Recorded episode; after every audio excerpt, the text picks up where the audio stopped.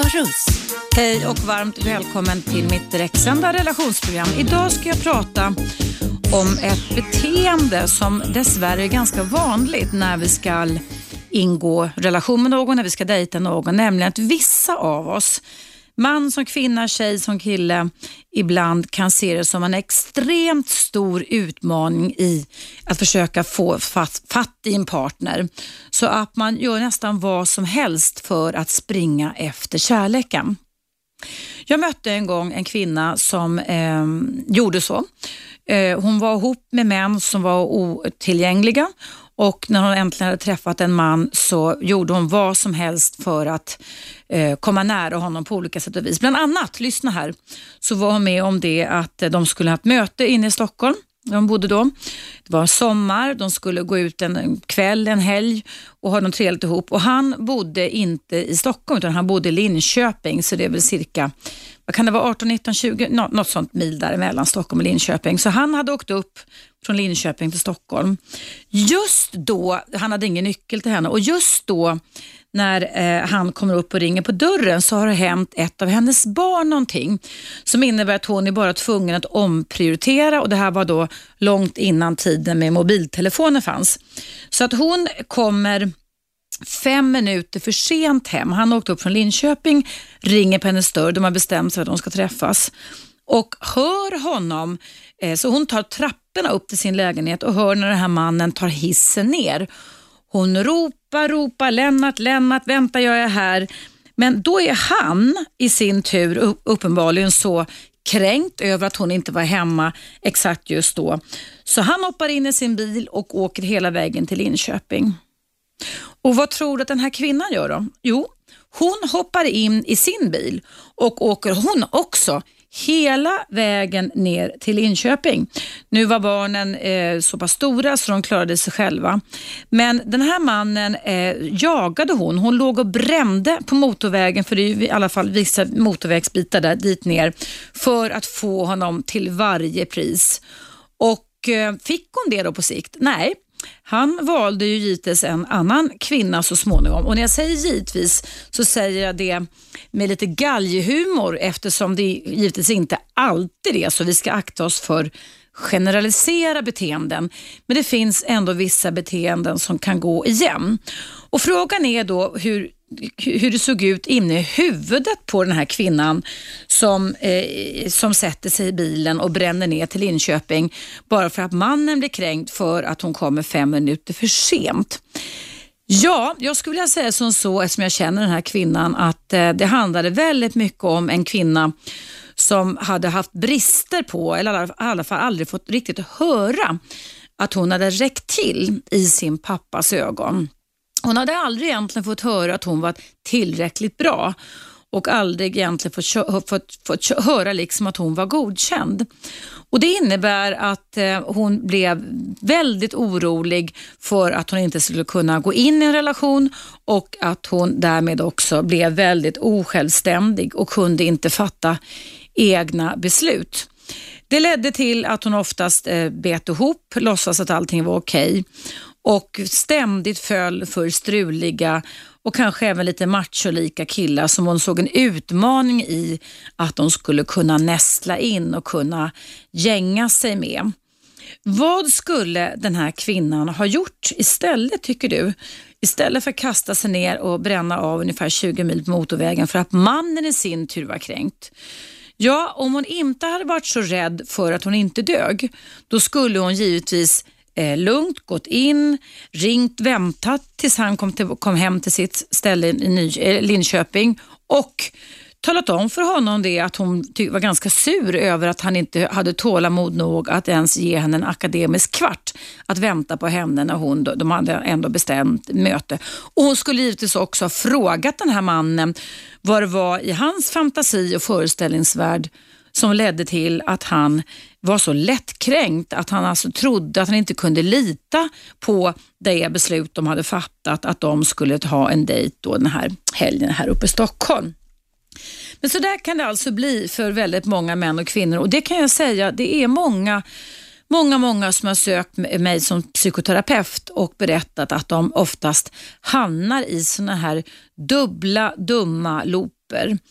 Och tittar man oftast då på uppkomsten till eh, att man eh, väljer personer som man ser en utmaning i, som alltså man ska göra om, som man ska omvända, som man triggas igång med mer av att man, de inte vill ha en än tvärtom, så kan det oftast ha att göra med just tankarna och inte minst känslorna som man har kring sig själv och sitt eget värde. Jag kan till exempel rabbla upp för dig just nu en hel radda med olika typer av ord och meningar som män och kvinnor, tjejer och killar kan ha. Till exempel att man känner sig misslyckad. Till exempel att man tänker om sig själv och känner sig maktlös och hjälplös. Och till exempel att man fyller sig själv med ta dagliga tankar som jag är inte god nog. Jag är inte god nog och jag räcker inte till och jag duger inte. Och det här, allt det som jag läste upp just nu, det är maktlösa och hjälplösa antaganden som går ut ofelbart. Så länge som de sitter uppe i vår hjärnas minnessystem så går de ut över alla typer av möten där känslor ska kännas. Klassiska beteenden då för dig eller de som gör på det här sättet som ser en utmaning i att försöka vinna de som inte vill ha en. Ja, det är ju till exempel det då att man hellre när man ska dejta väljer de som signalerar att de är omöjliga eller att de är distanserade ifrån dig eh, vilka man då istället arbetar extra för, för att kunna få eller nå. Och Det som är så knasigt med den här typen av beteende, det är ju det att man själv får en kick av distansen.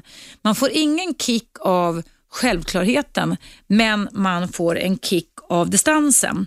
Och Det kan innebära, givetvis, och har inneburit för väldigt många människor, att man dissar de som verkligen vill ha en och så eh, jag, lägger man ner en väldig massa faktiskt bortkastad tid på att försöka jaga dem som inte vill ha den.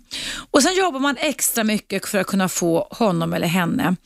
Och Vad det också blir för konsekvenser av detta, ja det blir som för den här kvinnan som drog iväg 20 mil ner till Linköping av en man som inte kunde vänta fem minuter och som man har känt ganska länge också.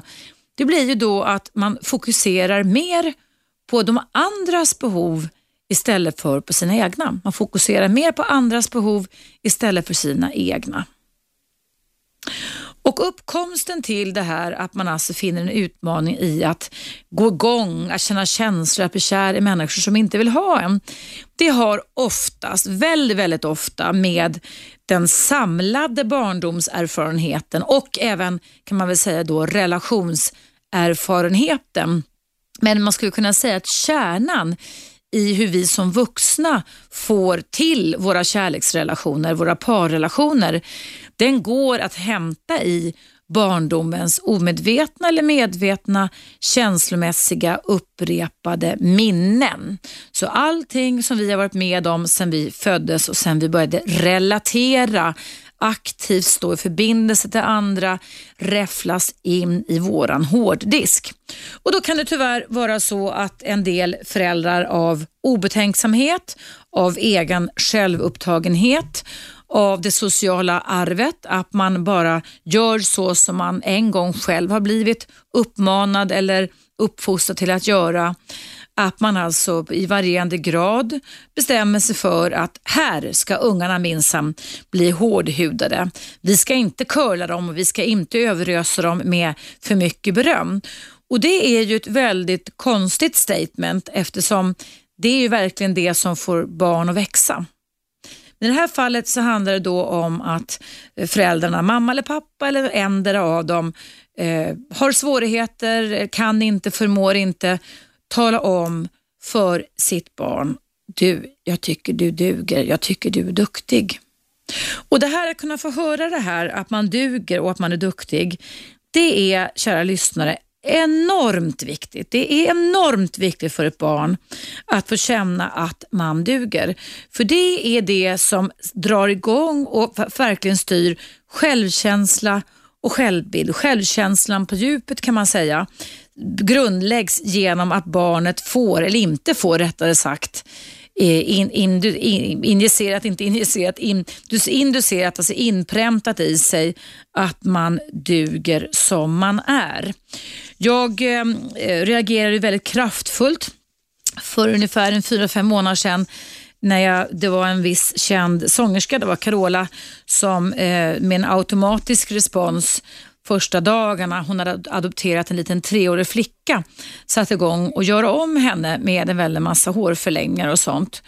Jag blev rosenrasande, jag blev extremt upprörd som expert eftersom jag tycker då att det sänder ett budskap till att man inte duger.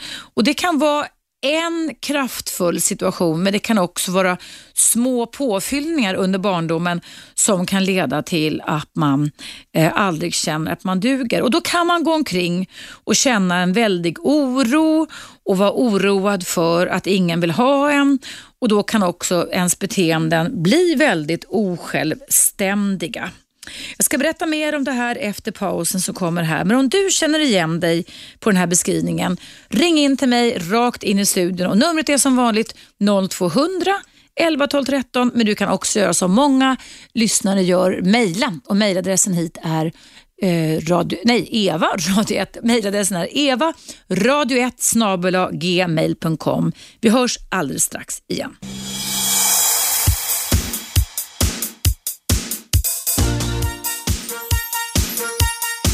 Radio 1. Eva Russ. Varmt välkomna tillbaka. Idag handlar mitt relationsämne och mitt relationsprogram ska jag säga om när man faller för fel typer av killar eller tjejer. Eller i alla fall när man ser en utmaning i att försöka erövra dem som faktiskt inte vill ha dig.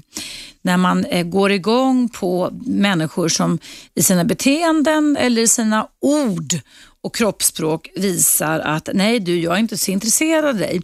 Och Då blir det ett startskott för att man gör allt vad man kan. Man använder sig av de, den eh, i evolutionen starkaste överlevnadsstrategin, nämligen den att kämpa.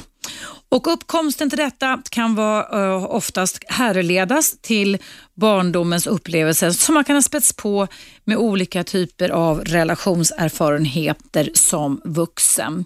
Känner du igen dig i det här? Ring in 0200 11 12 13. 0200 11 12 13.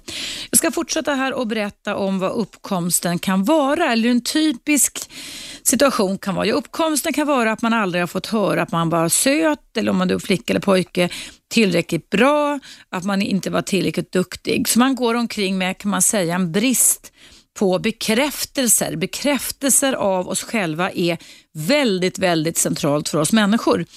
Och Får vi inte det så blir vi lite osäkra på oss själva.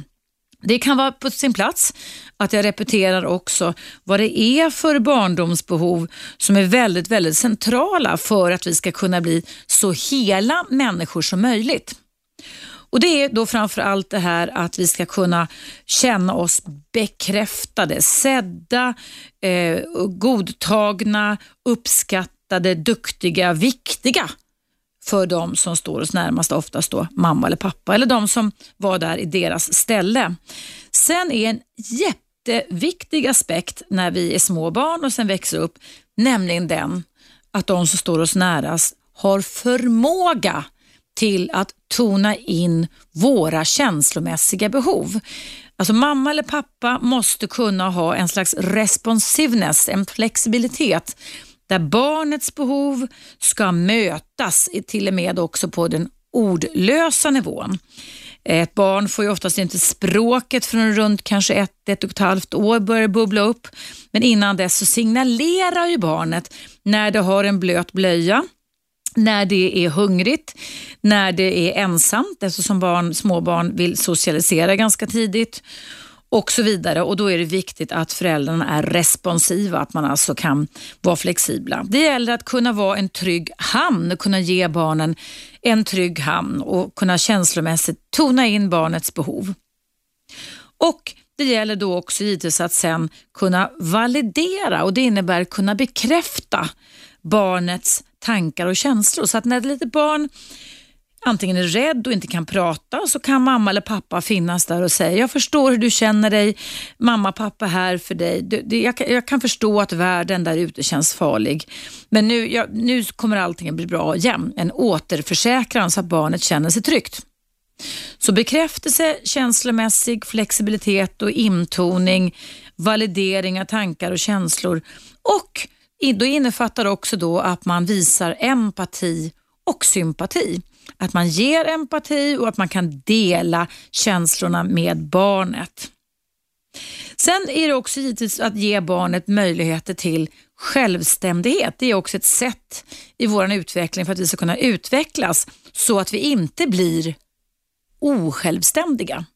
Och Där finns det ju då en del risker när vi är små. Om vi har föräldrar som är för kontrollerande så kan det leda till att vi blir som marionetter styrda för styrda av våra föräldrar så att vi inte kan få jobba på våran utforskning av världen. För det är det som är de processer som är igång när vi är små. Dels så ska vi få maximal omvårdnad och beskydd, komfort och trygghet av våra föräldrar. Men sen då när vi börjar utforska världen från nio månaders ålder ungefär så börjar vi liksom bli nyfikna och börja förstå att vi inte bara är en siamestvilling med mamma i första hand och pappa också, utan att vi också har ett eget själv. Och Då är det jätteviktigt för barnet att det får göra utflykter i verkligheten, i det sociala livet, men att mamma och pappa också finns kvar där när barnet kommer tillbaka. Det är jätte, jätteviktigt. Och när det gäller då du som känner igen dig i att man går igång på människor som dissar en, som inte vill ha en, så kan man alltså anta att det har skett saker under barndomen som alltså har gjort att om man ständigt, eller i alla fall ganska ofta, och gärna också i kombination med att man har en liten sårbarhet. Det är inte genetiskt att man går igång på för människor som inte vill ha en, men det är givetvis så att en del personer kan av olika anledningar, eftersom vi har en väldig massa olika modeller av oss människor och våra hjärnor här på jorden, så kan ju det innebära att man ibland är lite extra sårbar. Men det är oftast så har det att göra med hur anknytningsprocessen har sett ut och hur mamma och pappa har tonat in mig och vad de har väckt för tankar och känslor inne i mitt huvud. Nu ska vi se vem som ringer först in till mitt program idag. Hallå, vem finns där? Hallå, tjena, Jimper. Vad heter du? Jimmy. Jimmy, hej, välkommen till mitt program. Tjena, tjena. Vad väcker det här Eh, ämnet för tankar? Jag, Ja. har aldrig tänkt på det tidigare. Nej? Eh, att det skulle kunna vara något med barndomen. Det är, ja, allt, man är ju man är uppbyggd efter barndomen också så... eh, ja, nej, jag har inte tänkt så mycket på det där just. Men eh, jag känner igen mig just det här med att eh, det man inte får, det är man ju mer intresserad av. Mm. Hur, hur har det yttrat sig för dig då, Jimmy? Ehm, ja, men det har ju varit sådär liksom, man har träffat någon i, någon, till exempel någon tjej i någon, um, eh, någon, någon, eh, någon krets liksom med kompisar och sådär som man har blivit intresserad av eller Mm. Ehm, sen, har man inte, sen har man kämpat, kämpat och kämpat och du vet, sen får man inte den där tjejen och då blir man väldigt uh, förbannad. Mm. Eh, sen har jag haft tjejer också som jag har fått, eller som jag har, har liksom, som jag har fått väldigt lätt. Mm. Och de... eh, det har inte varit lika kul. Mm. Har du funderat över hur, hur du har tänkt och hur du har tänkt kring det här då? Har, har du fortfarande den problematiken kvar tycker du? Uh, nu har jag inte stött på den på ett tag, men eh, det kan jag nog ha kvar. Det är nog inte omöjligt. Mm. För att vad jag vet utifrån min egen forskning och erfarenhet och bildning och så vidare så är just det här att man går igång på distans, eller att man går igång på att någon inte vill ha en, har oftast att göra, precis som du sa att du fick en aning, en uppenbarelse kan man väl säga just nu, att, att vi alltså, det går blixtsnabbt. Alltså allting som vi har lärt oss på sen vi var små räfflas ju in i våra hjärnor. Och då kan alltså känslorna gå igång eller stängas av eller sättas på rättare sagt blixtsnabbt och då hänger tankarna med. Jag har, jag har faktiskt själv förr när jag var yngre varit med om lite samma sak. Att de här omöjliga killarna som inte ville ha mig de som, och som behandlade mig lite illa till och med. Inte, de misshandlade inte så, men lite illa. De tyckte jag liksom var toppen. Va? Medan de här andra killarna var nästan i mina ögon när jag var ung då, väldigt nördiga och mesiga i mina ögon. De vill du inte ha. Nej, det vill inte. Och det kan jag ångra idag. Alltså, jag går inte att ångra, men jag kan gå och tänka på det. Att fasiken var många bra män som man egentligen har dissat. Ja. Men, men du, är du oroad för att det här mönstret ska fortsätta för dig då? Nej, det är ingen fara. Ja, det där är inprutat i min hjärna så det, det sitter i ryggmärgen. Fast du vet, det, det är ju det som är själva utmaningen, att vi kan faktiskt förändra sådana mönster också. Genom att vi blir, med, som du sa när du ringde in här nu, att man, vi, vi blir medvetna om vad vi gör och sen då försöker göra tvärtom. Ja, exakt. Men har inte det där lite med exklusivitet att göra också? Ja, alltså vi, vi människor, ja, det är en bra fråga. Vi människor har ju en önskan om att få, få- vara exklusiva för någon annan person och det skulle möjligtvis kunna vara så, men jag tror tänkte inte... på det sättet. Jag tänkte mer, eh, eh, vad ska man säga? Eh, typen, du ser en kille köra en Ferrari på stan till exempel. Då vill du gärna ha den där bilen. Alltså att du...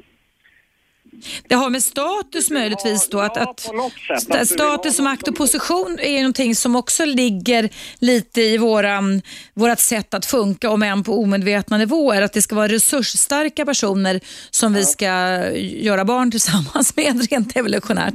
Ja, exakt. Men, men det här att man klickar igång på någon som inte vill ha en, det är väldigt reverterat. Alltså det är väldigt mysko. För det är tvärt emot det. Alltså, vi människor är sociala människor och därför så har vi organiserat oss i par, i grupper förut, storfamiljer och par idag. Och Det innebär att vi ska dras mot sådana människor som visar vänlighet och som vill ha oss. Ja. Så det här blir ju tvärtom, att vi vä- vänder oss till människor som inte vill ha oss. Precis. Ja, det är konstigt det där. Det är konstigt det där, men det gäller att se upp för det och till och med stanna kvar brukar jag säga till många klienter. Umgås med de här personerna som, du in, som vill ha dig men som du inte vill ha och jobba stenhårt på ditt känslomässiga tillstånd och börja tänka annorlunda så kan man faktiskt påverka det. Om man ändrar sina beteenden så kommer också hjärnan på sikt efter vissa upprepningar att ändras också. Ja. Ja, Så det är bara att övning ger färdighet Jimmy. Ja. Bra. Okej. Nej, men kanonprogram i alla fall. Ja, tack, tack för att du ringde in, tack för att du berättade. Hej då. Hej. Hej. Ja, kära lyssnare. Idag så pratar jag om hur knasigt det här är när man eh, väljer, eller alltid väljer, eller ofta väljer en partner som visar ointresse för Att man ser en utmaning i att jaga dem som inte vill jaga dig. Känner du igen dig i det här? Ring 0200 11 12 13. Eh, nu är det dags för en liten paus och nyheter här på Radio 1, Sveriges bästa pratradio.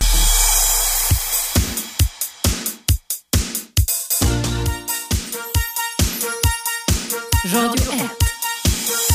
Eva Russ. Välkomna tillbaka. Livet är väl egentligen en kamp från vaggan till graven, men den ska inte vara så kämpig så att man bara går igång på dåliga känslor. När man jagar efter folk som fjärmar sig från en istället för närmar oss oss så har det gått ganska snett på de känslomässiga planen i alla fall. Oftast kan man härleda det här bakåt i tiden till eh, tiden, eh, de första ett, två, tre, fyra åren av vår uppväxt har en väldig impact på hur vi kommer att fungera känslomässigt. Inte minst då kärlek ska upplevas i våra kärleks och parrelationer.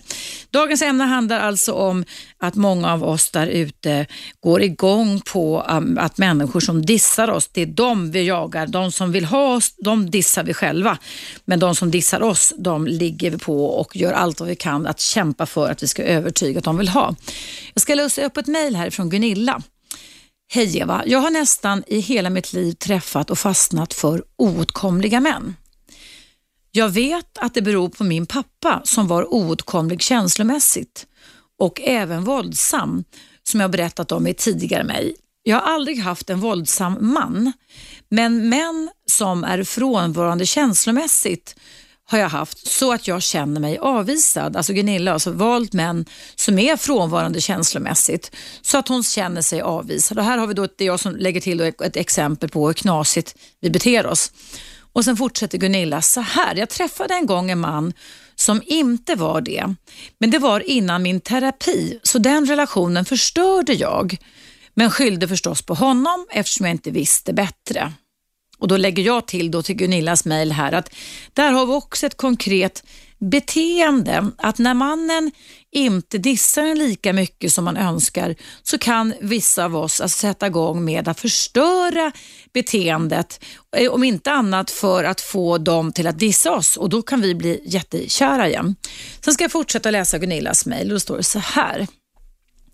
Den senaste mannen gick i olika terapier i över tre år, men var fortfarande lika avstängd känslomässigt, oengagerad och jag kände aldrig att det jag berättade föll i god jord. Kände mig aldrig förstådd, att han inte förstod känslomässigt utan bara hörde vad jag sa. Jag tog upp det gång på gång eftersom jag blev så frustrerad och ilsken och han sa att han förstod och skulle ändra sig. Men inget hände förstås eftersom han inte förstod vad jag pratade om. Han har själv blivit avvisad som liten och aldrig knutit an till någon. Hälsningar Gunilla. Mm. Vet du vad, så här sorgligt kan det bli.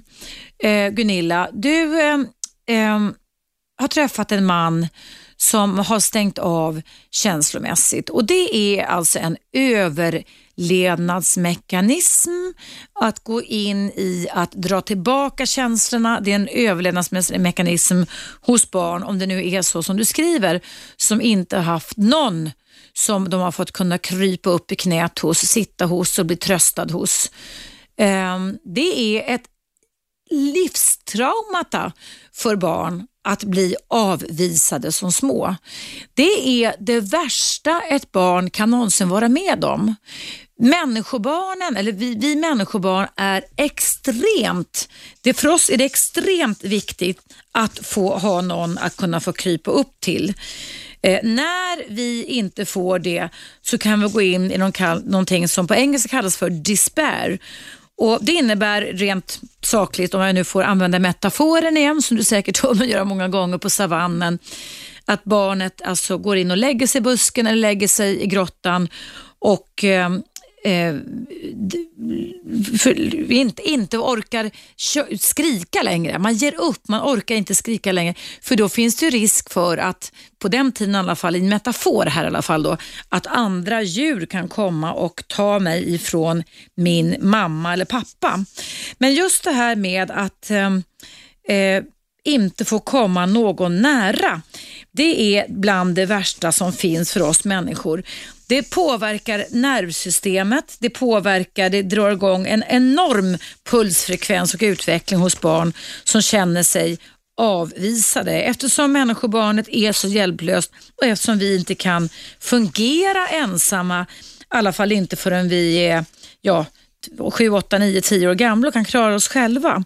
Och får ett barn inte den här trösten när man är liten som, som lugnar ner oss så kan man alltså gå omkring och känna sig och extremt otrygg, ha väldigt många hö höga stressnivåer i kroppen och i hjärnan. Och Det innebär då att man ständigt är på vakt mot fara. Men det är också så Gunilla, som jag kommenterar vars mejl nu, det är också så att även om man känslomässigt, som din man där, har känt sig avvisad och aldrig haft någon att krypa upp i knät hos, så är det ju det som vi blir vana vid. Man dras till det man känner igen. Det är en psykologisk hemsk regel egentligen, att man dras till det man känner igen. Och om man då träffar personer som gör att jag känner att min stressnivå i kroppen startar, jag känner att det är hotfullt och farligt, så är det det som jag har övat extremt mycket på, även fast jag rent intellektuellt inte förstod att det var bra för mig eller dåligt för mig det här. Och Då är det bara så att då går vi igång på det vi känner igen.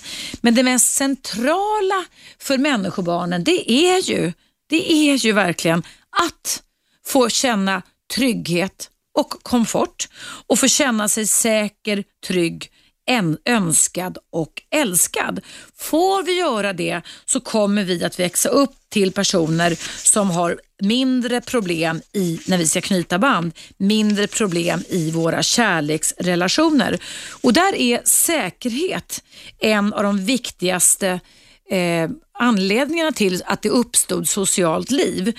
För vi utvecklades när vi skilde oss ifrån de eh, andra primaterna, alltså andra däggdjuren genom att vi fick den successiva tillväxten av vår hjärna, så utvecklade vi band för att vi skulle kunna ta hand om varandra. Vi utvecklade band för att vi skulle kunna ge våra avkommor större chans att kunna nå vuxen ålder. Och då måste vi se till att säkra omgivningen omkring oss. Vi måste se till att vi står i förbindelse till våra barn så att inte någon annan äter upp dem, rövar bort dem, dödar dem och så vidare. Så det är alltså en av de viktigaste anledningarna, säkerhet och trygghet. Och har man då i och för sig kanske fått säkerhet i form av käk och, och, och bra hem, men sen då fått höra istället att man inte är vattenvärd eller att man inte är tillräckligt bra, så leder det också till en väldig stress i våra nervsystem, i våra hjärnor som leder till att vi kan gå omkring och känna oss oroade för att inte duga men att vi också sen då får en kick och går igång. Att vi klickar igång när någon som vi ja, kanske först har flörtat lite med eh, och vi får en förhoppning om en fördjupning börjar dissa oss. Och då är det så att då blir vi kära eller då känner vi igen det här obehagliga eh, känslomässiga tillståndet. Och då dras vi gentemot det. Ehm, jag har till och med mött klienter, män som kvinnor genom åren på min mottagning, som har, precis som Gunilla skriver i sitt mejl här, skapat situationer för att reta upp sin partner för att det är då de blir riktigt kära i dem. Alltså eh, ska, skapat situationer så att männen eller kvinnorna eh, börjar tröttna på dem, en slags självuppfyllande profetia. Och då känner de igen sig i det som de en gång har lärt sig och då går deras så kallade, de tror att det är det, kärlekskänslor igång eh, extremt mycket hos dem. Så det är väldigt, väldigt tricky. Väldigt, väldigt tricky det här hur vi kan räffla in olika typer av beteenden och alltså då gå igång på att vi blir dissade. Nu ska jag läsa upp ett mejl från Jessica. Hejsan skriver hon, grattis i efterskott. Ja, det var gulligt Jessica, jag fyllde år för någon vecka sedan. Så står det så här, kul att dagens ämne engagerar så många. Kul är även att så många män ringer in. Du vet, myten om att män inte talar visar sina känslor. Så den myten kan vi slå hål på. Må bäst, skriver Jessica. Jajamensan, det tycker jag också. Men idag är det ju heller inte förbjudet för er tjejer att ringa in. Ring in och berätta vad ni har för erfarenheter hörni, kring det här. Hur har ni löst det? Har ni gått i terapi? Har ni kunnat hitta tricks och sätt och verktyg som har kunnat hjälpa er att komma från det här gisslet att gå igång på människor som inte vill ha er. Ring in, numret är som vanligt 0200 11 12 13. Vi hörs alldeles strax efter pausen som kommer här.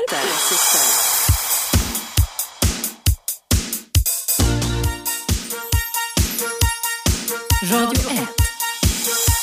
Eva Russ. Välkomna tillbaka. Idag så pratar jag i direktsändning om problematiken när man i sina relationer går igång på de som dissar en. Och i pausen här så ringde Anna in till mig. Hallå Anna. Hej Anna. Hej, hej, hej välkommen. Du, Tack. berätta vad du, det här ämnet väckte för tankar hos dig. Jo, det är så att jag har eh, tidigare haft relationer där, eh, med män då som har varit undvikande. Mm och som varit på avstånd kan man säga känslomässigt och inte kunna uttrycka sina känslor. De har sagt sådär som att de förstår vad jag pratar om men sen så har det visat sig att det har de inte gjort. Eh, och jag har känt mig övergiven många gånger och det är väl det man har haft tidigare. Men nu verkar det som att du också har delar av det här med att eh, bli, eh, att känna värdelöshet. Hur har, du, hur har du kommit på det? Berätta hur du har upptäckt det, Anna. Precis, jag har eh, träffat en man just nu som... Eh, har... Förlåt, nu hörde jag inte vad du sa. En, en ny man, eller? Jag har träffat en man, okay. ja. Mm. Har dejtat några gånger, fem gånger. Och det var väldigt superstarkt när vi träffades. Mm. Ehm, rent sexuellt då också, mm. vill jag säga. Det var jätte, ja, märkligt. Så det där ställde till det för mig mycket. För att jag märkte att jag var slappnad av totalt i hans närvaro som jag aldrig har gjort tidigare. Mm. mm så visade det sig att han hade jättesvårt med det här med känslor. Han är jätterädd för att komma nära någon och berätta det för mig. Mm. Att han har nedtryckta känslor och han ska nog inte fortsätta träffa mig. Okej, hur många gånger hade ni träffats då, Anna? Tre gånger hade vi träffats. Okay. Däremellan har vi pratat om mycket. Mm. Eller han pratar inte så mycket om just det här. Det jag har känt med honom det är att när vi träffas så är det sådär superstarkt och jättemysigt och bara sådär som mm. jag, jag fattar att det kan vara så ens när man inte känner varandra. Mm. Och emellan så känner jag att han drar sig undan. Mm. Och det där är ju jättetråkigt och jättejobbigt för mig då. Har ni kontakt? Relaterar ni till varandra fortfarande? Ja, Mm. det gör vi. Jag förstår mitt huvud, alltså det här ska jag bryta. Mm. Samtidigt som jag ser och han kan säga att han har jobbat med det här. Han har sagt att jag, ork, jag klarar inte av att jobba med det här just nu. Mm. Ändå så inte ge upp. För det är någonting som är så starkt i mig och jag kände på lite grann var att jag kände ett misslyckande. Men du, den här mannen nu som du har dejtat sex med, är det drömprinsen? Har du tittat in liksom vad han har för värderingar, mål och visioner med livet och hur han lever idag? Alltså jag känner ju inte honom känns det som. Dessutom. Nej, fast om vi struntar i känslorna, men hans sätt att relatera till tillvaron i det sociala livet. Ja, vad vad har han för egenskaper och färdigheter som skulle kunna vara bäraktiga på lång sikt? Ja, det jag har känt det är just det här att han har ett lugn som jag också gärna vill ha i hemmet och är Mm. kreativ och skapande. Jag kände att det här, åh, det här är jättebra. Det är något, jag håller själv på att hitta mig själv idag och hur jag lever mitt liv. Har han levt i någon parrelation tidigare? Ja, det har han gjort tillsammans med förmodligen en narcissistisk kvinna. Okej, men har han jätterädd. kunnat skaffa barn, vågat det eller? Ja, Okej, så han har funkat kan man säga i, i relationslivet trots att det har varit lite svårt för honom eller en Ja. knepig relation? Ja. ja Hur, många år. hur, hur många år levde han då? då? 25 år framåt. Okej, ja, det är ju ganska lång tid då. Ja, precis. Mm. Men annars, alltså, värderingsmässigt, vi ska ju inte blunda när vi ska välja en ny partner också om man har likartade värderingar Ja, kring... det är det jag känner någonstans. Att vi har, jag ser det också. Mm. Att vi har inte, vi har lik, precis liknande värderingar. Jag är inte buddhist till exempel och där har vi ungefär samma och det känns ju... Nu hörde inte jag vad du sa, att du inte är Han, materialistisk. materialistisk. Okej, det Ja. knastrade lite. Ja. Okej. Precis. Jag värdesätter andra saker och det märker jag så är det med honom också. Mm. Men du, jag tänker på, om vi bara tar det lite kort först, Anna, den här mannens beteenden. Ja. Så säger du, det här är ganska klassiskt, det känner jag faktiskt igen, att man kan för sexdriften är ju väldigt, väldigt starkt. Det är ju ett av våra belöningssystem jämte eh, käk, så att säga, att vi har. Va? Och, och den kan ibland vara så stark Ja. och eh, göra att man för en stund kan lägga undan förnuftet, förstår du? Ja. förnuftet och logiken som skapar väldigt massa eh, framtids och rädslotankar eller dåtidstankar. Va? Så att det att han kan ge allt på ett bräde som man kan kalla det för och vara romantisk med dig emellanåt. Det är äkta. Det, det, det, det är vad han vill, men det är vad han känner. Men sen när han drar sig tillbaka till grottan, om man nu kan uttrycka det så, då börjar han med våra nya hjärna som vi fick, och det är ett gissel för oss, börja tänka. Och det är där han hamnar i sina gamla inspårade urspårningar i hjärnan. Va? Där han bygger upp en massa rädsla. Säkerligen grundat på att han har levt med en knepig partner tidigare. Och säkerligen, du säger att han trycker ner känslor och att han skapar rädslor. Det gör ju vi i fantasin så att vi nästan kan bli handlingsförlamade.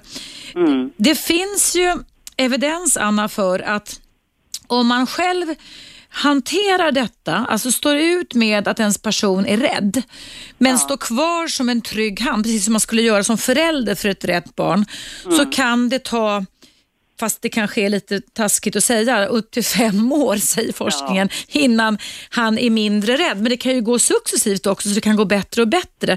Hur länge är du beredd att vänta Anna? Det är ju det som är frågan. Mm. Jag känner igen precis det här du beskriver nu. Så skulle jag vilja beskriva den här relationen själv faktiskt. Just att han drar sig undan emellan och han visar allt i sexet känns det som. Mm. Och det är så starkt. Det känns som att han verkligen tycker om mig. Han säger själv att jag vill men jag vågar inte. Mm. Och det där är ju bara hjärnspöken. Det är ju det som är ett gissel för oss människor när jag pratar om trick, trick i hjärnan.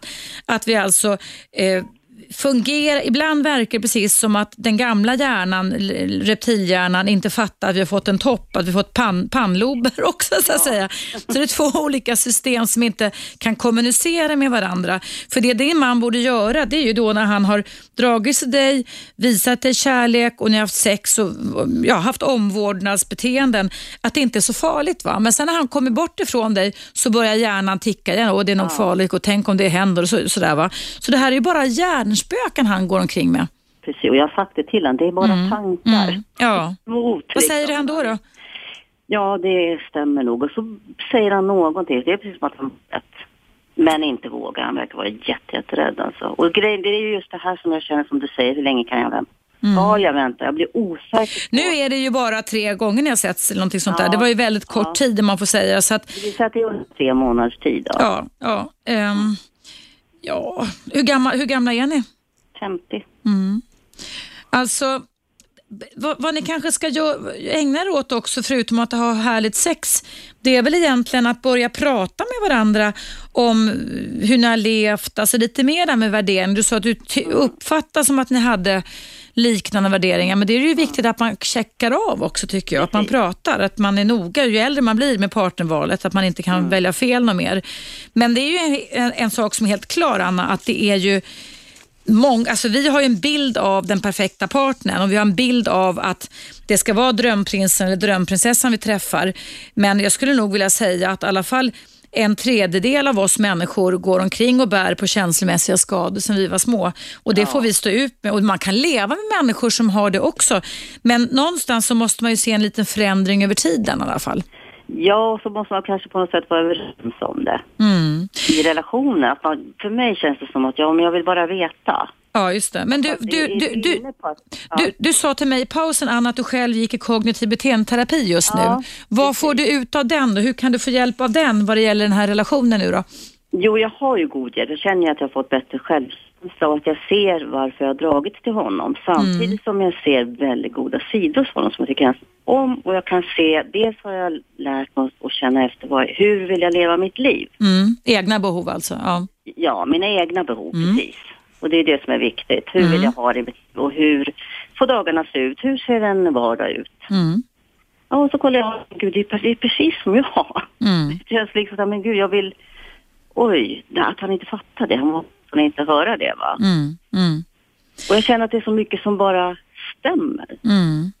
Ja, det tragiska är ju det, för jag har ju mött det här väldigt många gånger med människor jag jobbat med, Anna, att, att de, din man eller den här mannen du har dejtat nu i tre månader vill ju garanterat ha dig, eller i alla fall just nu. Alltså, han, han är intresserad av dig, men där har vi ett klockrent exempel på hur den inpräntade omedvetna känslomässiga minnet kallad rädsla mm. drar igång och även panik och ångest. Alltså de här överlevnadsstrategierna som gör att vi lägger benen på ryggen och springer. Va?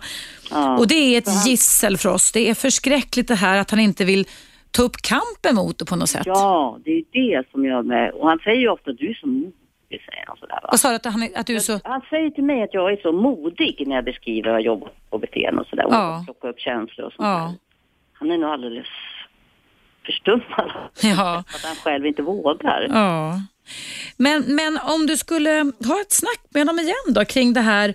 Det finns en fantastiskt bra bok som jag kan rekommendera som jag ska ta upp i ett program här om ett tag. Den finns på svenska. Den heter Varför giraffer inte får magsår. Jaha, den har jag inte förstått. Natur och kultur. Nej, why, why, eh, fast på engelska tror jag den heter Why Zebras Don't, don't Get alkers. Eh, och den handlar just om det här som jag många gånger upprepar som är het neurovetenskap, nämligen den att att eh, våra gamla nya system med hjärnan ibland inte kan samverka. Och zebror och giraffer, alltså däggdjur som bara har den primitiva delen av hjärnan, de kan sova gott om natten medan vi människor, där är din man Anne ett praktexempel på, inte kan göra det. Ja. Därför att han, har, han, han ligger och skapar sig så otroligt mycket framtidsscenarier. Men när han är tillräckligt tänd och sexuellt upptänd och kåt, mm. då kan han lägga undan det för då är belönings och lustsystemet så starkt så då försvinner rädslan. Alltså fortplantningsförmågan är inriktad på sex som är en ja. biologisk drift och då glömmer han bort att vara oroad. Ja men precis, för där kan han ju verkligen ge. Så att ja, ja. Det känns det som att han är, och sen undrar man om det kan vara en flykt också för att... Nej, ja, det är ju en, ja, det är ja. nog en, en psykobiologisk flykt skulle jag säga. Men du Anna, vi ska ha mm. lite nyheter här. Har du lust att stanna kvar några minuter till och, så vi hinner slutföra samtalet eller? Ja. Har du tid till det? Ja, gärna. Toppen. Ta och drick lite vatten eller kaffe så länge så kommer ja. nyheterna här så ska jag prata med dig Anna alldeles efter pausen. Du lyssnar på Radio 1. Det är direktsänt relationsprogram. Jag heter Eva Russ och idag så pratar jag om problematiken i många relationer att man undviker eller att man blir tänd på dem som dissar dem. Jag ska fortsätta mitt samtal med Anna som har haft det mönstret tidigare men som nu har råkat ut för en man som är livrädd för att komma för nära när det verkligen gäller. Så vill du veta lite mer om det här, då tycker jag du ska stanna kvar. Men just nu så kommer nyheterna här.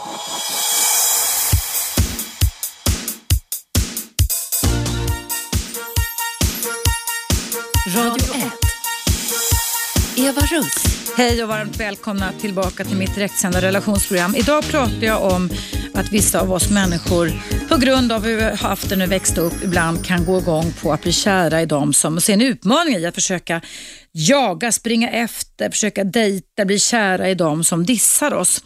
Men jag ska fortsätta med ett samtal med dig Anna alldeles alldeles, alldeles strax. Men jag vill också på, passa på att påminna om att Radio 1 faktiskt delar ut en stipendie på 50 000 kronor. Om du känner någon, eller om du själv kanske är en sån person som verkligen brinner, apropå detta, för barnens rättigheter, men också har en idé för dem, till exempel att angripa mobbing, att öka respekten för barns rättigheter att göra sina röster hörda eller ta krafttag mot våld. Så kanske du är Radio 1s eldsjäl för barns rätt och då tycker jag du nu ska gå in, nu pronto exakt just nu gå in och anmäla ditt intresse och läsa mer på radio1.se. Eh, nu ska jag koppla in dig Anna som har väntat en stund. Hallå Anna! Hej. Hej. Ja, han, han du tänka någonting här under pausen kring den här eh, mannen du dejtar? Har du fått några mer tankar eller frågor kring det Anna? Ja, jag, jag tänkte så här att eh, när man är i våran ålder och de män som jag träffar i alla fall som också har haft en del relationer har ju något problem med sig så att säga. Mm. Tänker mig om jag ska vara kvar i det eller inte. Mm. Jag kommer ju aldrig hitta någon som inte haft, har några problem. Nej, jag tror att chansen är ganska liten. Ja. Mm. Och det är därför som jag tänker att det är det värt att kämpa. Mm. Alltså det som är en överlevnadsfaktor och som jag anser att barn, eller barn, vad säger par, att par borde öva betydligt mer på, det är ju flexibilitet. Ja. Men ibland måste man ju, precis som du säger Anna, alltså använda förnuftet också lite vad och se. Man måste se om det finns någon ansträngning, något möte i att den här mannen som nu uppenbarligen är livrädd för att det ska gå åt skogen och dra sig undan, men, men kommer ibland, att han är, har någon insikt att han vill, att han har någon slags inre motivation för att ändå visa att han vill göra ett försök. Förstår du? Mm. Man kan ju pröva och man kan misslyckas, men man kan ju pröva och vinna också. ja, precis. Och det är väl det snacket du skulle kunna ha med honom utan att te terapera för mycket. Men vad säger din KBT-terapeut som går hos Anna? För jag antar att du har tagit upp det här med den också. Ja, nu har jag inte tagit upp just kring honom. Mm. För det har inte varit så länge och så var det sommar så jag har inte träffat terapeuten så mycket. Mm. Träffar du din terapeut en gång i veckan annars då? Eller? Ja, nu blir det en gång i veckan. Mm. För att alltså, var i, otroligt, för att det är som att jag har ju haft väldigt mycket av det här man läser den här boken, du vet, le- lev som du vill och inte som du lär. ja just det som jag har pr- pratat om här i radion också. Ja. Ja, precis. I den kan jag ju känna igen mig väldigt mycket, i det här schemat övergivenhet. Mm. Men här i det här mötet med den här mannen så känns det som att det väcker väldigt mycket i mig också kring att känna mig värdelös och att ha misslyckats, som jag tyckte du pratade om lite tidigare på Mm, programmet. mm, mm. Eh, och Så på det, så sätt har det varit bra va, att se Ja, det. ja. Och där, men där är det ju viktigt att du håller fast, använder förnuftet då Anna, att du hoppar över till det och inte låter känslorna bli så rimliga och sanna. Och att du alltså frågar så här, även om jag känner så här, stämmer det verkligen att jag är övergiven och misslyckad när den här mannen som uppenbarligen har egna känslomässiga problem drar in i grottan lite för ofta? Precis, det var det som var så skönt att upptäcka. Det, det slår mig nu också när jag pratar med dig en stund här. Att just det, att se att okej, nej det här handlar faktiskt inte om mig. Bra. Det är jättebra. jätteskönt. För, och, och så länge som du gör det så kan du ju om du tycker att, om du gör en värdering av att den här mannen är verkligen en bra person att lära känna Mm. så kan du ju mellan tummen och pekfingret bestämma dig själv för, inte säga till honom, men tänka så här, okej vi har umgåtts i tre månader, jag ger honom tre månader till eller året Mm. ut. Alltså om du tycker att livet, att, att det är värt det, att ni, att, men då ska det också vara så att du ska märka att Mm. det blir någon typ av rörelse, alltså någon typ av flexibilitet, någon typ av framsteg. Mm, precis. Någonting mer ska hända att han blir mindre rädd, att han drar sig undan mindre, att han eh, vågar sätta ord på känslorna mer, att han förstår att det är hjärnspöken som drar igång hans starka rädslomässiga, eller rädslor och eh, reflexmässiga beteenden. Mm. För det känns, det jag tänker nu, när jag tänker mig att jag ska bryta, då, mm. Ja, hur blir det i mig då, tänker jag. Nej, men jag vill inte, känner jag bara. Mm. Men, alltså, ja, men alltså, då, lär känna honom ordentligt, ja. men sätt en limit. Alltså, det, han är ju inte villig, att alla behöver ju inte gå terapi. Och, och Sen kan ju en trygg person som man träffar när man själv är lite otrygg, mm. det behöver inte ta fem år, men alltså det, någonstans så måste den som är trygg, som är du i det här fallet, ha ett mm. oändligt tålamod. Och stå kvar för att om du beter dig otryggt så ökar det hans otrygghet. Mm. Så det är därför det är viktigt att du bestämmer dig för att okej, okay, för dig själv då, inte säger det för då blir ju det som att liksom hota honom. Va? Men ja, att du säger att tre, tre månader, jag, jag, jag, tycker han är så värdefull, det är en så spännande person. Så jag, det jag tänker mig året ut. Men då ska ungefär som man spelar schack. Va? Då ska dina drag, om man säger så, ändå få någon typ av effekt. Va? Att, att, liksom att han öppnar sig mer, att han stannar lite längre. Även om det kan vara myrsteg så är alla små förändringar värda att notera, Anna. Mm. Och vet du vad jag kom på nu då, vad jag nej, känner nej. själv, med tanke på min självkänsla? Mm. Jag tror att det här ger mig väldigt mycket. Om jag möter en man också och det här händer, mm. så känner jag att det händer någonting, så ger det mig som person väldigt mycket jag vet inte vad jag ska säga, det fyller på någonting i mig. Att jo, att någon kanske lyssnar och tar till sig mig som jag är. Mm. För det är de mötena du har med honom när ni har sex och kommer nära varandra? Ja, jag tror det. Mm. Och, att, ja. och då är det bra för dig att samla upp dem och komma ihåg dem, men som sagt, mm. inte vänta på Godot som det heter i pjäsen där i åratal. Jag har Nej. mött så många människor som gör det. Men om du ser att det blir lite förändringar så, mm. så är det bara, och då då ska man bekräfta, för att där går vi in på vad som förstärker våra beteenden, nämligen den att vi förstärker beteenden genom att tala om att man blir glad, att man är lycklig, att man känner sig glad för att han hade lite mera tid och så vidare. Va? Och så mm. fortsätta vara trygg. Så blir du alltså den trygga basen för honom. Ja, just det. Det känns bra. Du kan väl, jag har ju mitt radioprogram varje dag, Anna. Du kan väl höra av dig under hösten och berätta hur det går? Ja, det kan jag göra. Det skulle vara jättespännande för mig, om det är okej okay för dig, att få ja, höra hur det går. Mm. Toppen. Ja. Du Anna, tack så jättemycket. Jag önskar dig lycka till. Tack för att jag fick prata och vi andra lyssnare fick lyssna på det här relationsproblemet. Det berör säkerligen väldigt många tror jag. Tack så jättemycket. Mm, tack, hej då. Hej. hej, hej. Ja, du lyssnar på mig, Eva Russ på Radio 1. Det är direktsändning och nu ska jag läsa upp ett mejl. Det handlar alltså om att många av oss ibland kan gå igång på och tro att det är den ultimata kärleksupplevelsen när någon dissar oss. Så vi gör allt vad vi kan för att springa efter och känner oss egentligen ratade nästan hela tiden. Men vi hoppas på att vi ska kunna omvända den där personen som inte vill ha oss. Nu har jag fått in ett mejl från en tjej som står så här, som kallar sig för en ensam själ. Hej Eva! Känner igen mig väldigt mycket. Har under min barndom haft det otroligt tufft. Blev bortlämnad när jag var sex månader. Kom tillbaka till min familj men under den tiden levde jag med en familj med en som med psykisk sjukdom samt alkohol i familjen. Har också varit mobbad där skolan inte såg. Jag har alltid känt mig ensam samt att jag inte räcker till. Har nu ett förhållande och märker att det speglar sig. Jag mår dåligt. För jag känner aldrig att jag räcker till, även fast jag offrar mer för andra än jag gör på mig själv. Jag är eh, ensam själv. Vet du vad? Jag ska säga några bra KBT-råd till dig efter pausen som kommer här alldeles strax. Det här är ett typiskt exempel på hur barndomens känslomässiga system spökar, hur man tror att de känslor man känner i vuxen ålder är sanna och hur man lägger sig till med kompensatoriska strategier, alltså inte sätter sina egna behov i, i, ja, inte bara, det behöver man inte alltid göra, men som sätter andras behov automatiskt före sina egna och man anpassar sig för mycket. Om du är intresserad av att höra vilka råd jag ger till en ensam själ, stanna kvar för nu kommer en liten paus. Vi hörs alldeles strax igen.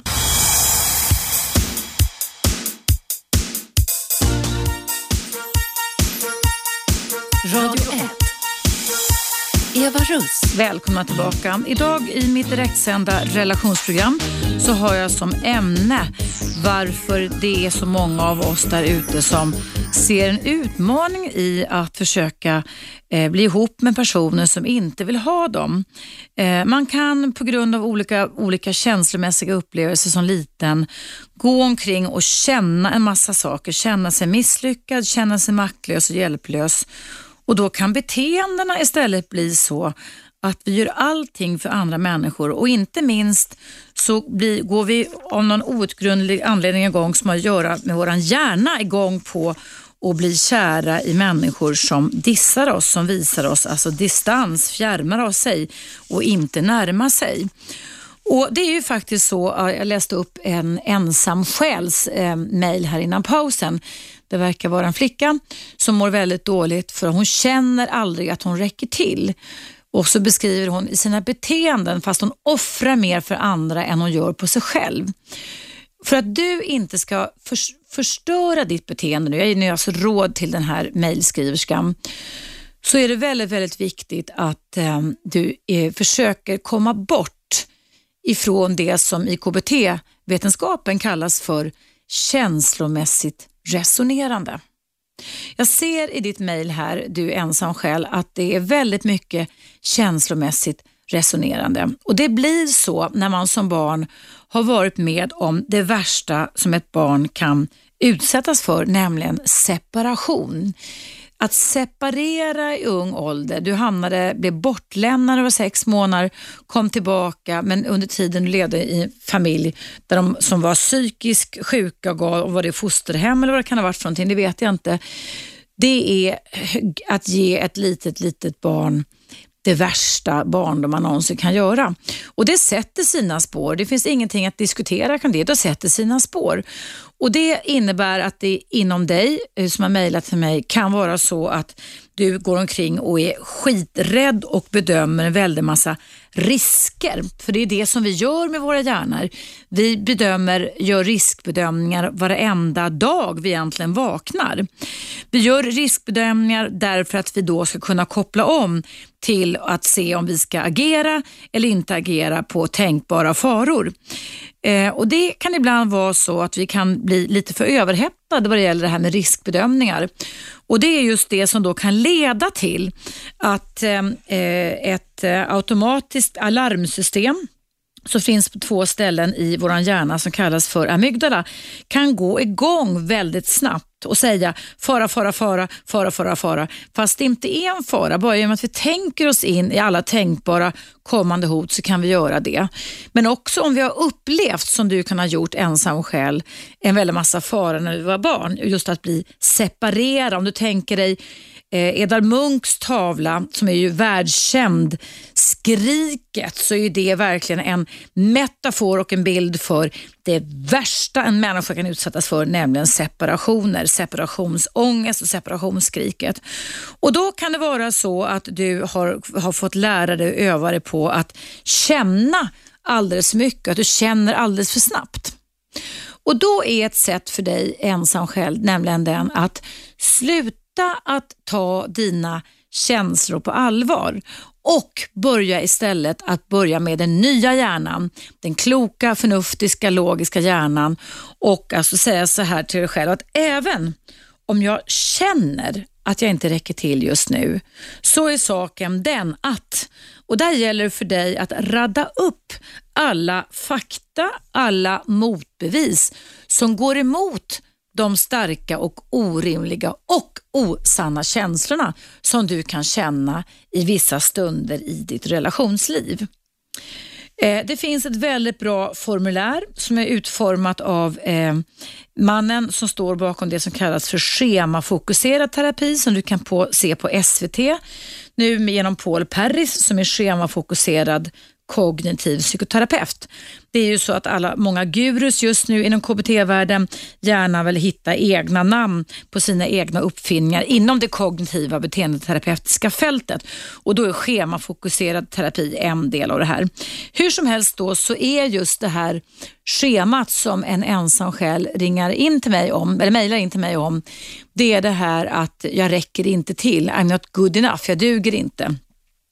Och När man då känner det så gäller det alltså att börja jobba sig bort ifrån de här starka känslorna. Och Då kan, har den här Jeffrey Young gjort ett alldeles utmärkt formulär som i stora drag eh, uttrycks så här. Om du har tillgång som lyssnar just nu till papper och penna så tycker jag du ska ta och hämta det. För om du skriver ner det jag säger just nu så kan du faktiskt ha en enorm nytta av det om du känner igen dig i en ensam själs känslomässiga reaktioner. Och Det börjar med eh, att du alltså tar fram en papper och penna nu och så börjar det med att du skriver då när du får en känslomässig reaktion som en ensam själ får här om att man inte räcker till. Då skriver man så här, just nu så känner jag mig och så skriver du ner alla känslor du känner mig. Därför att, och där beskriver du sen situationen, alltså vilken situation är det som triggar igång dig. Just nu känner jag mig så här och så skriver du ner alla känslorna därför att situation som triggar igång mig. Sen skriver du ner som nummer två, eh, den här situationen får mina känslor och får mig att tro att jag och så fyller i typ som man ensam själv gör, att jag inte duger, att jag inte är tillräcklig och så vidare. Och Sen som nummer tre så fyller du i så här, skriver du ner så här. Eh, den här. De här känslorna har fått mig att tro att jag inte räcker till och jag kan härleda dem. Och här gäller det för dig att liksom leta lite. Var någonstans i min barndom, finns det någon specifik, finns det någon konkret situation som jag känner igen just nu, just i stunden, där jag kände också att jag inte räckte till. Och Då kan man alltså leta lite, till, eh, leta upp det här gamla schemat som man har. Jag känner igen den här nu-känslan just nu, känner igen från dåtiden då och skriva ner den och så vidare. Och Sen skriver man ner och det lärde mig att tro att jag inte räckte till. Så det gäller alltså att både härleda känslan, fånga upp orsaken, alltså the prompting event som det heter, alltså triggern, det som drog igång det här, men också vad du lärde dig att tro. Och Det är som en ensam själ har gjort. Du har lärt dig tro att du inte räcker till. Uh, och Då gäller det sen, då har du liksom kartlagt ditt inre och sett, sett hur olika samband och sammanhang hänger ihop mellan känslor och tankar och beteenden. Uh, eh, och Då kan du också sen gå in på själva beteendeområdet och när jag känner så här så brukar jag bete mig så här. Och så fyller du i När jag känner så här så brukar jag bete mig så här. Och Sen kommer nästa fråga. Är detta ett hälsosamt beteende för mig? Och det är där, kära, eh, kära lyssnare och kära ensamsjäl, utmaningen kommer för dig. Att börja fundera över, alltså använda förnuftet.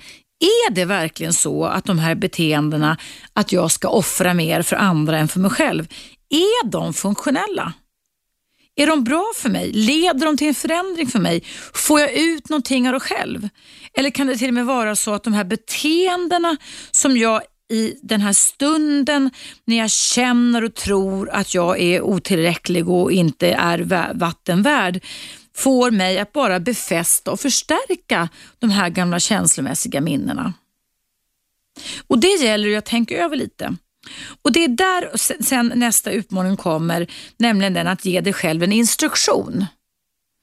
Att även om jag känner att jag inte räcker till, så är bevisen i mitt liv följande. Och Det är där det gäller för dig att fylla i, göra en lista, en bevislista som går emot, som har med exempel, konkreta exempel på tankemässiga, förnuftmässiga, logiska, som bevisar att du minsann verkligen räcker till, att känslor faktiskt kan ljuga.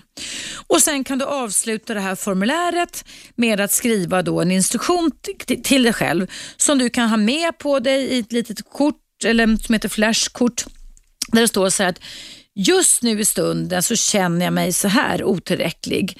Men även om jag känner mig otillräcklig så har jag de här och de här bevisen i mitt liv som går emot den här känslan. Och Det innebär att vad jag kan tänka på just nu är det här och hur jag kan bete mig är det här. Och det är också då mer hälsosamma beteende för mig. Så det gäller alltså för oss, eller för dig som känner igen dig i det här, att byta spår. Gå ifrån att känslorna styr, för det är oftast de som matar de gamla schemana, till att förnuftet får styra. Har du sedan länge, sedan barnsben övat dig på att känna väldigt mycket, ja, då ska du sluta känna så mycket och börja använda förnuftet istället. Men det kan också vara tvärtom.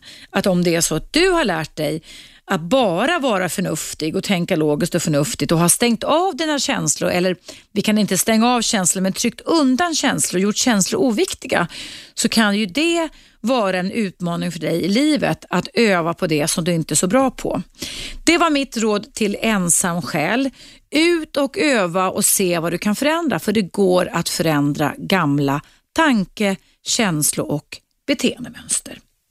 Nu är det dags för en liten paus och även nyheter här på Radio 1. Du lyssnar på mig, Eva Russ, i direktsändning och ämnet ända fram till klockan 12 idag är om eh, att vissa människor av oss, ganska många faktiskt, tyvärr går igång på och eh, finner utmaningar i att jaga personer som signalerar att de inte vill ha oss. Häng kvar och numret in rakt in i studion är 0200 11 12 13.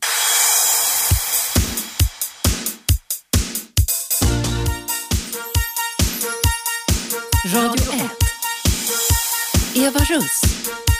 Varmt välkomna tillbaka. Ja, idag så pratar jag om eh, fenomen, relationer, beteenden som innebär att man många gånger låter rädslan styra eller eller man har inpräntat i sig själv att man ska springa efter kärleken. Man ser en utmaning i det så att man eh, nästan alltid dras till personer som är struliga och som eh, inte egentligen vill ha. Men sen kan ju det här beteendet visa sig på andra sätt också. Så i pausen här så var det en ung man på 29 år som ringde in till mig och kände igen sig just nu, alltså i denna sekund i den här problematiken. Han har nämligen i somras träffat en kvinna ungefär samma ålder som bor i ett europeiskt land som har mycket katoliker hos sig. Och eh, De hade bestämt att han skulle flytta till det här landet och börja testa och se om det gick att leva där. Och eh, Nu har den här kvinnan fått jättekalla fötter, har blivit rädd, alltså rädsla har gått igång i hennes system. Så vi hade ett snack här under pausen och min första kan man väl säga automatiska tanke var kulturella skillnader. Eh, att det kan faktiskt vara så att kulturella skillnader kan leda till Ehm, att hon ser eh, väldigt massa katastrofscenarier som kan ha att göra med omgivningens bedömningar, kyrkans bedömningar, det, det, sociala straffet och reaktionerna som vi egentligen väl i större utsträckning eller hel utsträckning här i Sverige är gudskelov säger jag, befriade ifrån. Ehm, det tycker jag är bra och det jag tycker att det kan ju faktiskt vara så att hon ser någonting som inte du ser. Du ser en bäver och hon ser en kamel eller du ser en kissekatt och hon ser en tiger. Och Då är det just skillnader i vad det era respektive hjärnor ser som är den som du unge man behöver prata med henne om. Och Jag tycker att du ska göra som du sa till mig i pausen.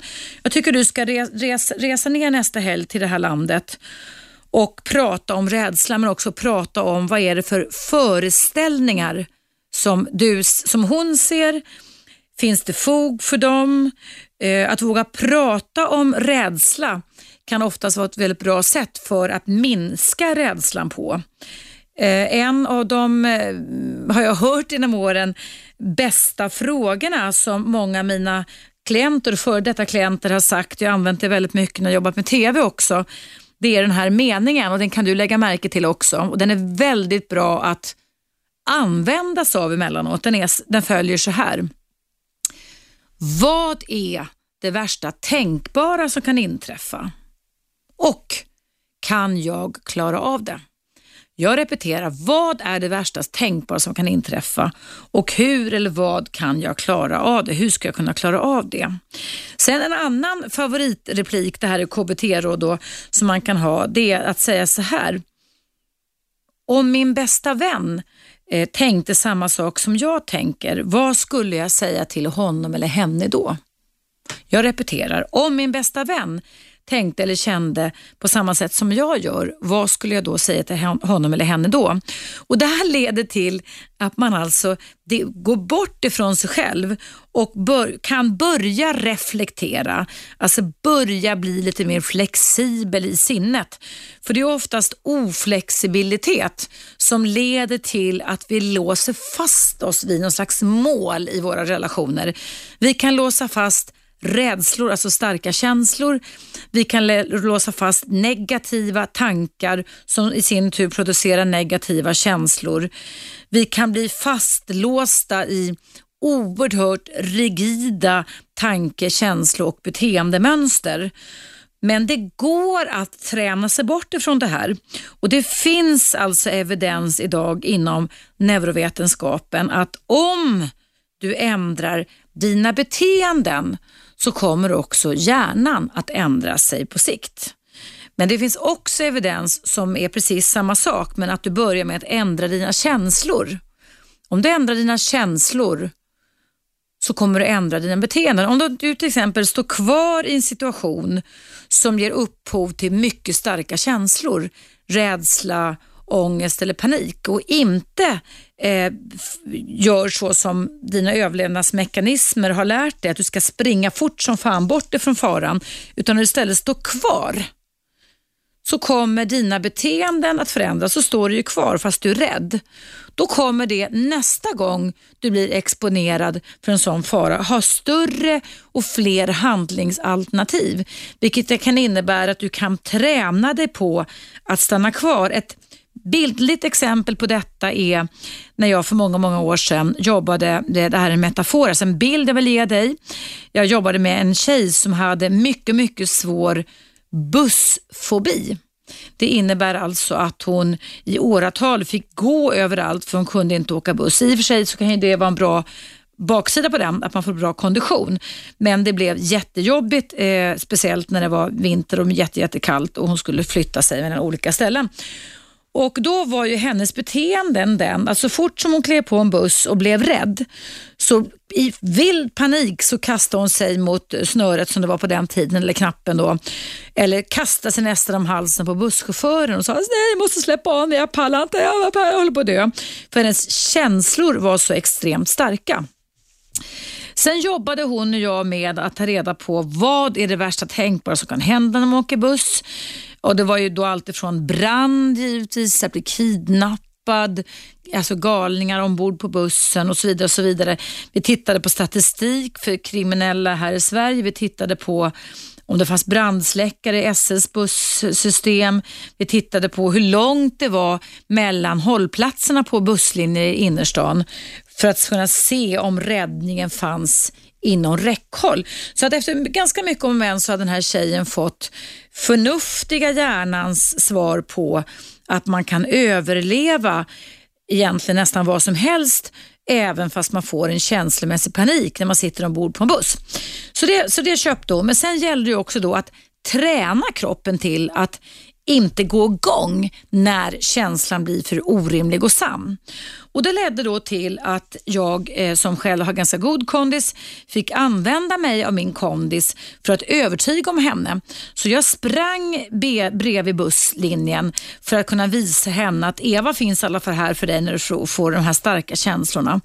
Så hon fick avslappningsövningar av mig och hon fick, eh, fick uppgiften då att åka tre stationer. Och Det är typ, kanske bara 500 meter mellan en station i innerstan, i alla fall på den busslinjen som jag sprang efter, buss nummer 56. Så jag eh, såg till att börja med när vi kom till första busshållplatsen och däremellan att hon tittade ut och såg paniken i hennes ögon. Men då hade hon de här redskapen och verktyg som man får i KBT med sig så att hon kunde lugna ner sig. Och Sen sprang vi till nästa hållplats, alltså hållplats nummer två och hållplats nummer tre och där fick hon då kliva av. Det hade vi gjort upp i förväg. Det är så man jobbar i KBT. Och det var en helt ny människa som klev ur denna röda SL-buss kan jag lova.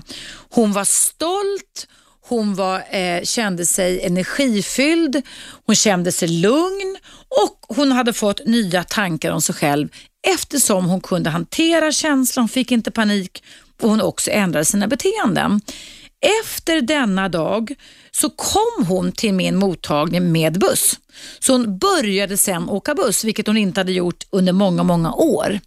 Så där kan du se, det här handlar ju då i och för sig om relationer, mitt direktsända relationsprogram, men det är så vi kan funka. Vi har en tricky brain, en knasig, knäpp, konstig hjärna som kan ställa till en väldig massa bekymmer för oss. Men om vi övar oss på att göra opposite action, alltså göra motsatsen till det som vi en gång har lärt oss, så kommer det på andra sidan där att dyka upp helt andra tankar, känslor och beteenden som vi kan ha nytta av kring det här. Så det kan du också ha nytta av om du förstår vad jag menar i just kring det här med relationslivet. Nu är det dags för en liten paus här på Radio 1. Men det är fortfarande helt okej okay att du ringer in till mig. Numret är som vanligt rakt in i studion 0200 11 12 13 och ämnet är, ja det är givetvis relationer vi pratar, men ämnet handlar också om när man av rädsla eller av andra typer av orimliga inpräntade, egentligen falska känslor går igång och eh, närmar sig personer som dissar en.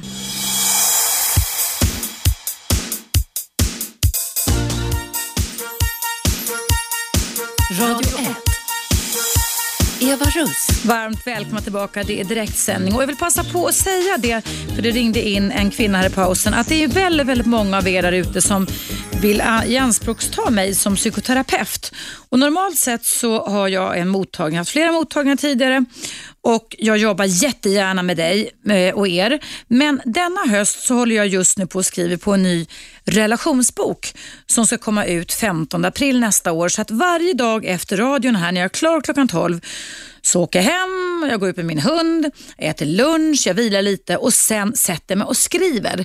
Och Jag har märkt det då att om jag då ska ta hand om nya klienter som oftast i början är väldigt ansträngande för mig, för jag vill liksom engagera mig och försöka förstå din problematik, så tar det och skäl alldeles för mycket tid ifrån min författarhjärna som är inprogrammerad på det just nu. Så att jag, det är ingen idé att ni mejlar mig just nu hit, utan på nyåret, efter nyår, när jag är klar med mitt bokmanus, då kan jag ta emot hur mycket som helst. Men jag kan inte det just nu. Men det uppskattas. Jag känner mig jätteglad över att ni vill ha sånt förtroende för mig. Det gläder mig, ska du veta, jättemycket.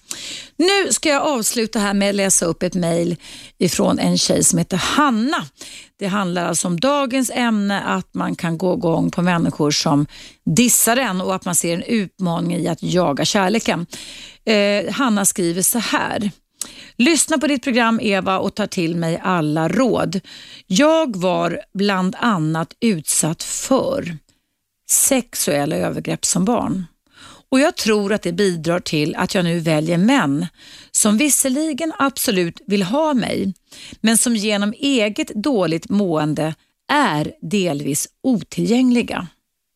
Jag är medveten om detta men blir äcklad och avtänd när de väl blir tillgängliga. Jag känner enorm kärlek, åtrå och övertygelse om att det är rätt man så länge det är problem, men sen tar det stopp. Är snart 40 år nu. Vad ska jag göra för att behålla kärlek och åtrå när det väl blir äkta närhet och inte känna äckel? Gått i terapi i många år men detta ändras inte. Tack för ett bra program. Ja, Hanna, vet du vad? Det här har jag behandlat flera, flera gånger. Jag har träffat människor som har fått äckelreaktioner till och med när de har kysst möjliga män, det här var då en kvinna, som nästan började kräkas. Och det berodde inte på att mannen luktade illa munnen eller smakade illa munnen, utan det berodde på att han var för bra för att vara sann, too good to be true. Och då reagerade hjärnan med att eh, känna aversioner och äckel. Det är som hos dig, som hos den patienten Hanna, eh, sitter det här djupt invirat, hårdvirat kan man kalla det, de här tanke, känsla, beteendereaktionerna. Eh, jag skulle vilja säga då det att det finns ett hopp och du ska fortsätta terapi. Ehm, det är ju en aktuell film som går av stapeln här i veckan som heter Hypnotisören och jag är själv utbildad i klinisk och medicinsk hypnos. Eh, jag ska för övrigt eh, hypnotisera en av mina kollegor här i veckan i programmet. Så om du vill lyssna på det, hur det går till, så ska du hänga kvar i direktsändning. Men nu är det faktiskt så då att hypnos är en fruktansvärt bra behandlingsmetod. Det är att, eh, som kroppens egen medicin och den kan bryta sådana här neuronala, hårdvirade tanke, känsla, reaktion, äckelkänslor i hjärnan, i hjärnans nervsystem och kretsar. Eh, om du går in på SFKH, det står för Svenska föreningen klinisk hypnos, SFKH, så har de en hemsida. Jag har själv varit ordförande i Stockholm för ungefär tio år sedan, den föreningen. Och Det är bara av tidsbrist som jag inte är med där längre. Men där hittar du ett behandlarregister där kravet är att alla som är nämnda där i olika landskap runt om i Sverige har en yrkesmässig vårdlegitimation. Alltså de, vi är övervakade av Socialstyrelsen. Och Där finns det många psykologer och psykoterapeuter. Det finns även tandläkare om du har tandläkarrädsla, men som är skitbra och som har gått många, många utbildningar. Jag har själv gått en utbildning på 80-talet i nästan tre års tid. Så jag är faktiskt väldigt duktig på att hypnotisera. Och jag vet, jag kan verkligen vidimera att man kan börja med det för att kunna försöka bryta de här onda looparna. Om du inte vill det av någon anledning, eller inte känner för det eller inte letar, så har vi den här traumabehandlingsmetoden EMDR som jag berättat om, som utförs av legitimerad vårdgivare. Men det kan också vara så att du ska gå hos en kognitivt orienterad psykoterapeut. Eh, ibland kan det faktiskt vara så att om man går i psykodynamisk terapi väldigt, väldigt länge och ändå inte uppfattar någon förändring så kan det vara bra att man bryter den terapin på sikt. För ibland kan man hamna lite för mycket i lite för mycket ältande och då förändras inte beteenden då vidmakthålls de istället. Men jag är ju själv en gång i tiden psykodynamisk psykolog, för det fanns inte KBT när jag läste på 70-talet och sen är jag kognitiv psykoterapeut. Så jag har liksom båda bitarna i mig och vet att båda bitarna faktiskt kan hjälpas åt att rucka våra sinnesstämningar, känslor och psykiska problem. Men har man gått länge i en terapi och inget har ändrats, nej, då ska man byta terapiform. Så det kan ju till och med också vara så att om man har gått länge i KBT och inget händer, vilket är väldigt ovanligt, för det ska hända saker i KBT, då måste man se sig om efter en annan terapeut. Jag tycker du som lyssnar ska ha, om du går i KBT, att efter fem gånger så ska banne mig någonting ha hänt och har ingenting hänt, att du har ändrat, känt någon förändring i tankar, känslor, beteenden, inre bilder så ska du byta terapeut eller i alla fall föra upp det på ytan och säga hallå, det här har jag hört av en erfaren psykoterapeut som heter Eva Russ. Eh, det här kan ju inte stämma, att vi ska gå och harva här och ingenting händer. Det är jätte jätteviktigt att vi lär oss det. Så det är aldrig för sent att ändra eh, oangenäma sinnestillstånd eller sinnesstämningar, eller tankar, känslor och beteenden. Och för dig då Hanna som har det här problemet att du varit utsatt för ja, sexuella övergrepp som barn så har det blivit liksom en tankekänsla, beteendemodell hos dig. Så att din amygdala, de här larmknapparna i, inne i dig, i din hjärna, de finns på två ställen, drar igång så snabbt, det handlar alltså om millisekunder, så att du får avsmak och disgust, alltså avsmak, disgust, äckel, avsmak och äckelkänslor som är en känslo, som ingår i vår känslorepertoar. Och de känslorna som du får, han att du känner dig äcklad, det är, fick vi enligt evolutionen för att vi skulle kunna särskilja och kunna urskilja huruvida födan och vattnet och bären och djuren vi, vi mötte på savannen var farliga för oss eller inte. Så det är alltså nästan en reflexiv inre respons som kan leda till, till och med när man ska kyssa en person, att man drar igång den. Men den sitter alltså i eh, det sympatiska nervsystemet och det liksom drar igång en, eh, en, en jätte jättesnabb reaktion. Förlåt, det autonoma nervsystemet. Och då drar igång en jättesnabb reaktion som alltså inte har med att det är så farligt att göra. Men din problematik Hanna är, består ju av en annan problem också den att du väljer människor som inte, att du väljer män som inte är känslomässigt tillgängliga. Uh, men då kanske du väljer bort de som skulle kunna vara bra för dig.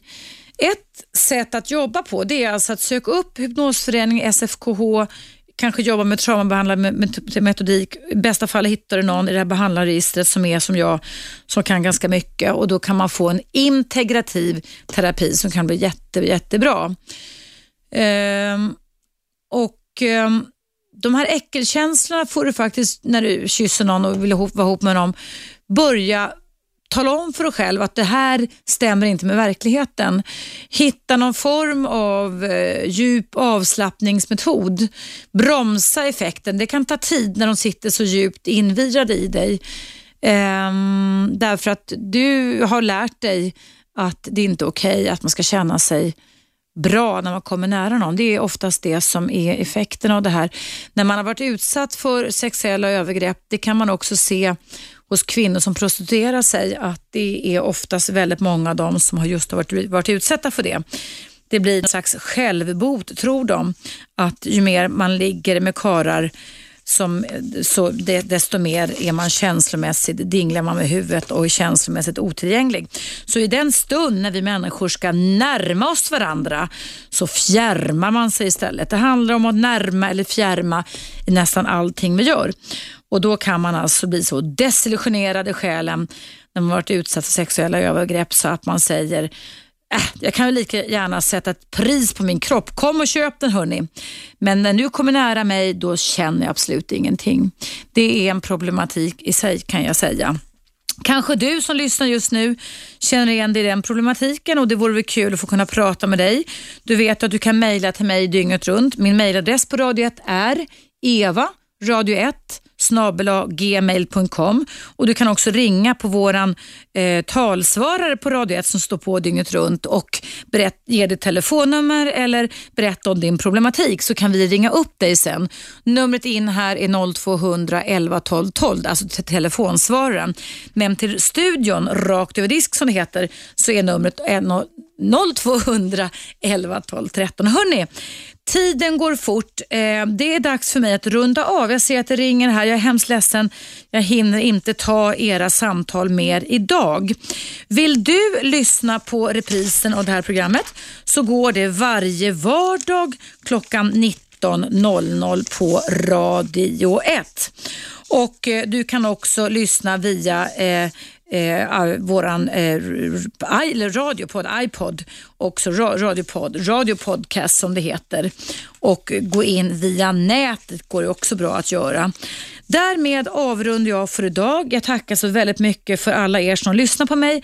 Jag tackar för alla ni som vill eh, berätta och delge era relationsproblem för mig. Jag är övertygad om att tillsammans gör vi skillnad för alla där ute. Jag önskar er och dig en riktigt bra dag. Alldeles strax är det dags för eh, Best of Aschberg och sen kommer den eminenta Cissi Wallin klockan 13 in här i samma studio som jag tänker lämna nu. Du, jag hoppas vi hörs imorgon, imorgon igen. Hej då! 101,9 Radio 1 Sveriges nya pratradio.